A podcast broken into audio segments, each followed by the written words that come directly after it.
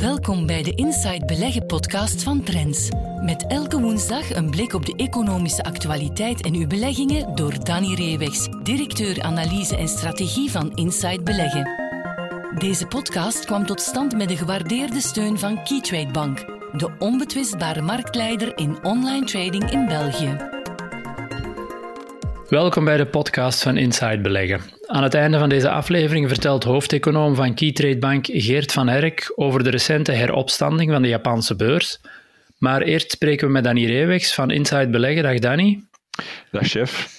Ja, en Danny, we vieren dit jaar uh, een verjaardag, de 30ste verjaardag van de Bel 20, de index met de 20 grootste Belgische beursgenoteerde bedrijven. En die heeft bovendien ook vorige week nog zijn jaarlijkse herschikking doorgaan. Maar uh, als we kijken naar die samenstelling van de Bel 20 nu en we zetten dat af tegenover die van 30 jaar geleden, welke belangrijke vaststellingen heb je daar rond kunnen doen? Ja, ten eerste dat we zagen toen dat er totaal geen vastgoedaandelen zaten in die oorspronkelijke selectie van 20 uh, aandelen. Dat waren toen vooral holdings en financiële waarden. Hè, en, en daarnaast industriële waarden was, was niet zo breed verschillend dan eigenlijk zou moeten. En dat heeft ook wel zijn voor- en nadelen laten zien in die uh, voorbije 30 jaar. Maar dus dat vastgoedaspect, dat zit er nu wel in, met toch drie uh, verschillende waarden. Met Idifica, Cofinimo en Warehouses de Pauw, WDP, is dat toch een, een, een component geworden. Hè, die, eh, vroeger waren dat BVAX, nu zijn dat die gereglementeerde vastgoedvernootschappen, GVV's. Ja, dat is toch een component geworden binnen die uh, Bel 20. En ook ja, biotech bijvoorbeeld was er toen helemaal niet, niet bij.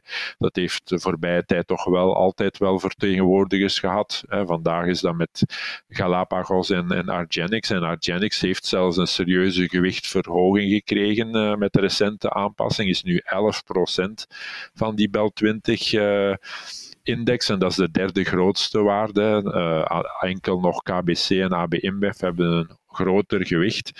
Sommigen zullen daar heel bevreesd om zijn, hè, gezien wat ook met Galapagos gebeurd is uh, de voorbije twaalf maanden. Dus ja, dat is misschien niet de meest stabiele component dan binnen de index, maar geeft dan wel toch eerder een, een groei aspect aan die index. Hè. Daar zit toch eventueel belofte in dat dat uitgroeit tot, tot grotere waarden. Uh, maar dat zijn denk ik wel de grote verschillen met uh, eh, 30 jaar geleden en nu. Ja, en iets anders wat jou opviel, en het hoeft misschien niet te verbazen, is dat wij in die afgelopen 30 jaar ook wel redelijk wat um, overnamekandidaten hebben gekend, of overnameprooien hebben gekend in die Bel 20. Ja. Ja, dat is een stelling, een boetade die wel vaak gemaakt wordt. Eigenlijk is zowat alles binnen die Bel 20 overneembaar. Zijn dat allemaal overnamekandidaten? AB InBev is misschien de uitzondering, alhoewel hun gewicht uh, en hun uh, beurskapitalisatie is nu ook niet meer zo gigantisch groot als, als uh, vier, vijf jaar geleden. Dus ja, misschien kan het wel, alhoewel wie of dat nog grote concerns in bier geïnteresseerd zijn, is een ander een ander verhaal, maar we zien inderdaad, hè, dat is de belangrijkste reden waarom dat er zo'n groot verschil is tussen de samenstelling van de Bel 20, 30 jaar geleden en nu. Want eigenlijk, als we breeddenkend zijn, zijn er vijf waarden of, vijf, of een vierde nog hetzelfde. We hebben nog altijd die twee holdings, GBL en Sofina. En dan uh, Solvay en UCB. En als we zeggen, ja oké, okay, Ageas is de opvolger van AG, dan hebben we er nog vijf. En dan zien wat is het verschil. Ja, dat zijn vooral veel bedrijven die gewoon overgenomen zijn. Daarom zitten ze niet meer in de Bel 20. En dan denken we onder meer aan een generale bank, aan een Deleuze, aan een Electrabel, aan een Petrofina. Dat waren toen grote gewichten, maar ja, die zijn er gewoon niet. Ze zijn gewoon in buitenlandse handen gevallen en vooral op de eerste plaats in, in Franse handen. Dus dat, die stelling, ja, die lijkt wel uh, te kloppen. En als er de komende jaren misschien terug uit zullen vallen, is misschien ook omdat ze overgenomen worden door een ander bedrijf en, en misschien wel door een buitenlands bedrijf. Ja, en naast die samenstelling heb je ook gekeken naar, naar het rendement van, van de index de afgelopen 30 jaar en heb je dat ook afgezet te, ten opzichte van een aantal andere indexen. Wat is jou daar vooral in opgevallen? Ja, dus als we kijken eerst naar het, de gemiddelde jaarlijkse opbrengst. Hè, men zegt voor aandelen voorbij 100 jaar is dat ongeveer 8 à 9 procent per jaar. Wel nu, dan heeft de Bel 20 ongeveer aan de verwachtingen voldaan met 7,64 procent gemiddelde jaarlijkse opbrengst voor een belegging in die Bel 20-index. Je kan natuurlijk zeggen, ja, eigenlijk op vlak van renteevolutie, ja, perfecter kon het eh, traject bijna niet zijn, want het is haast een structurele aanhoudende daling geweest tot absolute bodemsniveaus vandaag. Dus dan zou je denken, ja, misschien hadden we dan wel wat meer mogen verwachten, eh, dat we een cijfer gingen krijgen boven dat historisch gemiddelde. Dat is het dat is het niet geworden, omdat, ja, we hebben het daar straks aangegeven, hè, holdings en, en financiële waarden waren vooral vertegenwoordigd in die Bel 20. En dan hebben we natuurlijk een serieuze klop gekregen in 2008, 2009. En hebben we ook gezien toen rond die periode dat die gemiddelde jaarlijkse opbrengst was gezakt naar uh, een goede 3,5 procent mm uh, op dat moment, terwijl we in 98 nog op een, een historisch hoge 17 procent zagen. Dus daar hebben we toch wel een serieuze klop uh, gekregen en dat verklaart waarom dat het cijfer niet boven dat historisch gemiddelde ligt. Nu, als we gaan vergelijken met de rest in Europa, bijvoorbeeld die Eurostox 50-index, ja, dan moeten we zeggen, ja, dat heeft de Bel 20 wel perfect normaal gepresteerd. Hè. Daar zien we 7,41% gemiddelde opbrengst. Nu, we zien wel, en dat is dan een tweede conclusie, hè, Bel 20 is een index van overnamekandidaten, maar ook van dividendwaarde, want er is geen enkele andere belangrijke index waarmee we vergeleken hebben, waar de dividendcomponent zo belangrijk was. Hè. Dus in procentuele stijging van de index zelf, ja, komt de Bel 20 er niet goed uit met 229 procent. En daar zagen we al 290 procent voor de Eurostox 50. En als we dat dan meer internationaal gaan vergelijken, wordt dat altijd maar meer. Hè. Dus de MSCI World Index, dat is misschien dan de belangrijkste index om mee te vergelijken, ja, daar zit op een indexstijging van 439 procent, maar ook minder dividend, dus een gemiddelde van 7,92 procent dus dat zit er nog niet spectaculair boven. Dan moeten we natuurlijk naar Wall Street gaan. De S&P 500, dus de Standard Poor's 500 index zit op 10,39% gemiddeld en een stijging van 955%. En ja, natuurlijk, Nasdaq 2769% stijging de afgelopen drie decennia, gemiddeld 12,68%, want daar zit natuurlijk haast nauwelijks dividendrendement bij maar wel ja, een groot verschil in het voordeel van die index. En dan moeten we zeggen, ja, wat ontbreekt er toch nog altijd in belangrijke mate binnen de Bel 20, en dat is die technologie. Uh, component. We hebben geen grote technologiebedrijven, nog altijd niet binnen die uh, Bel 20. Biotech is toch een, een stuk ja, groei, maar is toch nog een ander uh, en zeker geen stabiel verhaal. Ja, en ondanks de internetzeebel toch zo'n rendement opgetekend de afgelopen 30 jaar. Ja, ja, dus vooral de laatste 10 jaar, uh, ja, dat hebben we al een paar keer aangehaald, ja, heeft die technologie het wel gigantisch goed, uh, goed gedaan. En een Netflix, ja, dat was 10 jaar geleden 3 miljard waard, nu 200 miljard. Ja, dat soort techverhalen hebben wij in Europa heel weinig en in de Bel 20 eigenlijk helemaal niet. Ja, benieuwd wat de volgende 30 jaar uh, zal brengen, maar ja, het was een mooi overzicht. Ja. Uh, en als aandeel van de week heb jij een van de voormalige Bel 20 leden erbij gehaald, uh, Bekaart, de Belgische staaldraadproducent. Um, dat heeft er de laatste maanden toch ook al een serieuze rit op zitten, het aandeel. Uh, maar dat is ja. niet ongegrond als we naar de resultaten kijken. Ja, inderdaad. Het is een van de uitblinkers op Euronext Brussel als we voorbij uh, 6 tot 12 maanden zien. Nu, Bekart kwam ook van een heel diep niveau terug, maar inderdaad, zoals je aangeeft, dat is wel terecht. Hè. Uh, je kan stijgen op verwachtingen, maar nee, dit is op reële uh, cijfers, op reële verbetering van resultaten. Um, Bekart heeft zichzelf een doelstelling gezet van 7% EBIT-marge, dus uh, bedrijfswinst ten opzichte van de omzet. Wel nu, coronajaar, rampjaar voor sommige bedrijven, maar eigenlijk niet voor Bekart, want Uh, die marge ligt op 7,2% voor 2020. Ja, dus boven de eigen doelstelling. En als we kijken, heeft vooral te maken met dat sterk herstel in de tweede jaarhelft. Dan zien we in het tweede semester zelfs een marge van 9,1%. Wel nu, Bekaert heeft dat vele jaren niet meer gehaald. Dus uh, er is toch echt wel een sterk uh, herstel geweest in de tweede jaarhelft. En qua marge zitten we terug waar het bedrijf wou, zitten er zelfs boven op dit moment. Dus een terecht uh, herstel van de beurskoers de voorbije maanden. Ja, en, en waar heeft het die verhoogde winstgevendheid aan te danken volgens jou? Hebben ze daar zicht op gegeven? Ja, dat is belangrijk dat ook in de vier divisies van Bekart, dat we dat overal zien. Maar natuurlijk, het is op de eerste plaats in de, in de bandendivisie dat we, dat we het herstel zien. De bandenmarkt heeft hersteld. En vooral um, Bekaert, door zijn wereldwijde aanwezigheid ook op het vlak van productie, heeft, um, ja, heeft marktaandeel kunnen afsnoepen van concurrenten die veel meer problemen hadden met hun productie. We weten, eh, Azië is uh, de regio waar het herstel het eerst geweest is en dus in de tweede jaarhelft eigenlijk al min of meer terug een normalisering heeft gekend van productie. En daar heeft natuurlijk een bedrijf als een wereldbedrijf als Bekaert mee kunnen van profiteren om daar uh, productie te verhogen en daar dus marktaandeel uh, af te snoepen. Maar zoals gezegd is het belangrijk om niet uh, op één wiel te herstellen, maar op meerdere niveaus. Hè. Dat geeft ook meer hoop en vooruitzicht op solide cijfers voor de komende periode. Dat het inderdaad meer was dan enkel de bandendivisie waar het herstel is opgetreden. Ja, het kan eventueel ook wel gaan ten koste van omzet, maar dat hoeft daarom geen um, slecht nieuws te zijn voor beleggers.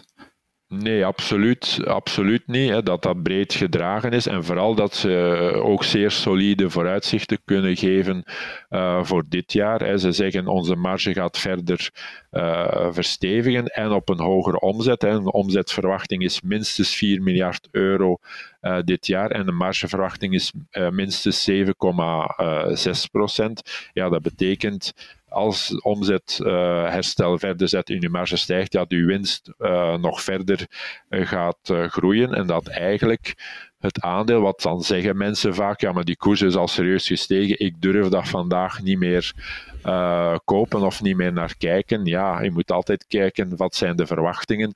En op die basis is het aandeel eigenlijk nog niet zo uh, fors gewaardeerd. Dat men zou kunnen denken puur te kijken naar die koersgrafiek. En dan moet je zeggen, oké, uh, daar zit denk ik nog wel potentieel voor, uh, voor de komende tijd ook.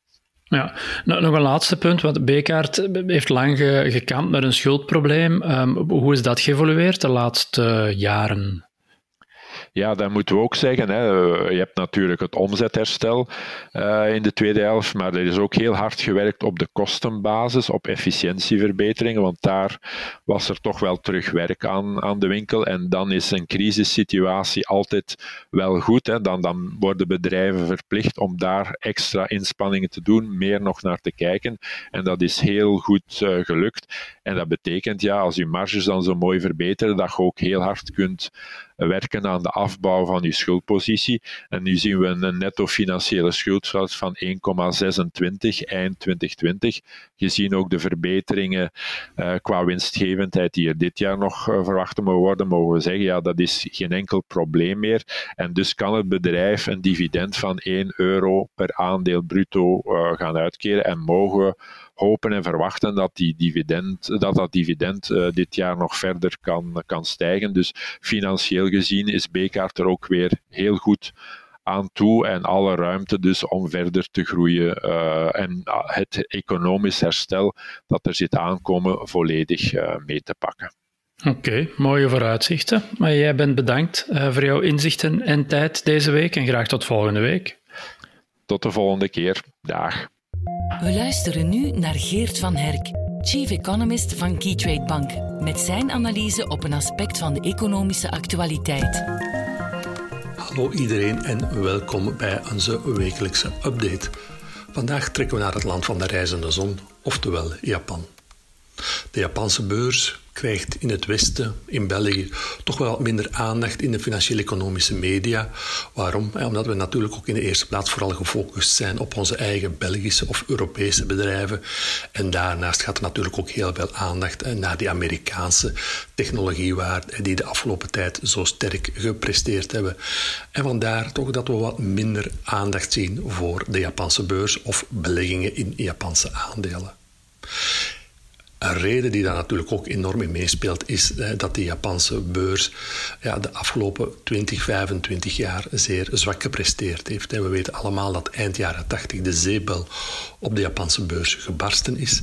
En dat daardoor de Japanse beurs de afgelopen 20, 25 jaar ja, zeer ondermaats gepresteerd heeft. Zeker ten opzichte van de Amerikaanse beurs, maar ook ten opzichte van Europese aandelen. Maar recentelijk is de Japanse beurs of zijn de Japanse aandelen toch aan een remonte begonnen. En het lijkt er steeds meer op dat die bear market van de afgelopen 20, 25 jaar tot het verleden is gaan behoren.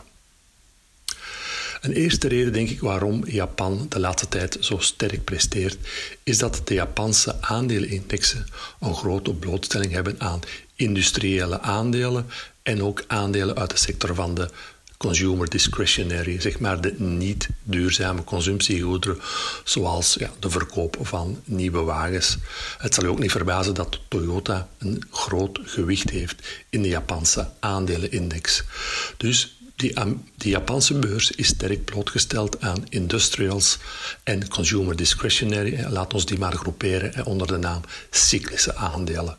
Dus de Japanse beurs, grote blootstelling aan cyclische aandelen. En het zijn ook die aandelen die recentelijk zeer sterk in de portefeuilles aanwezig zijn van de beleggers. We zien die rotatie uit meer tech-gerelateerde aandelen naar cyclische aandelen de afgelopen zes maanden. En daar profiteert natuurlijk Japan uh, ten volle van. Een tweede reden waarom we pleiten om toch wat meer blootstelling aan Japanse aandelen te hebben in een internationaal gediversifieerde portefeuille, is dat natuurlijk ook de waardering zeer aantrekkelijk is. We hebben in Azië al gesproken over ja, de zeer gunstige waardering van de uh, Aziatische emerging markets, maar ook Japan heeft op basis van de koers-winstverhouding, op basis van de koers-boekwaardeverhouding, toch relatief gunstige waarderingsratio's ten opzichte van bijvoorbeeld ja, opnieuw die Amerikaanse markt die redelijk duur is. Dus een bijkomende reden om te pleiten om toch de komende jaren toch misschien wat minder blootstelling aan Amerikaanse aandelen te hebben en het gewicht van bijvoorbeeld Japanse aandelen wat te verhogen in een internationaal gediversifieerd gediversifieerde portefeuille. Ten slotte zijn er nog een aantal specifiek Japanse uh, redenen om uh, in Japanse aandelen te gaan beleggen. Zo zien we bijvoorbeeld dat de Japanse bedrijven uh, hun oudere werknemers uh, meer en meer op pensioen beginnen sturen. En Japan kampt natuurlijk ook met een verouderende bevolking. Dus heel wat oudere werknemers gaan momenteel op pensioen. En het zijn natuurlijk ook die werknemers die voor de Japanse bedrijven toch redelijk duur waren. En zij worden op dit moment ja, vervangen door goedkopere Japanse werkkrachten. Dus uh, de arbeidskosten voor de Japanse bedrijven zouden wat omlaag moeten gaan. Wat natuurlijk ook opnieuw positief is voor de winstontwikkeling van de Japanse bedrijven.